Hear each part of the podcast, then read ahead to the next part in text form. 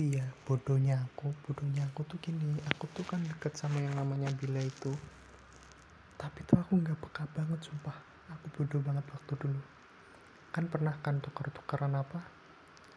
Facebook gitu kan. Nah dia nulis kayak kalau sekarang kita nulis di grup yang kosong gitu. Tapi kalau dia ngechat di Facebooknya dia yang lain yang udah nggak aktif. Jadi kayak dia nyepam gitu buat cerita-cerita masalah tentang dia dan di situ dia uh, kayak nulis aku suka kamu ka uh, kayak lima huruf gitu kan.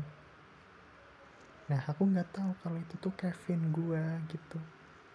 Dan sampai sekarang nyesel sih. Baru tahu waktu SMA kelas 11 kayaknya. Bener-bener nyesel. Oh ternyata dulu tuh yang dimaksud aku.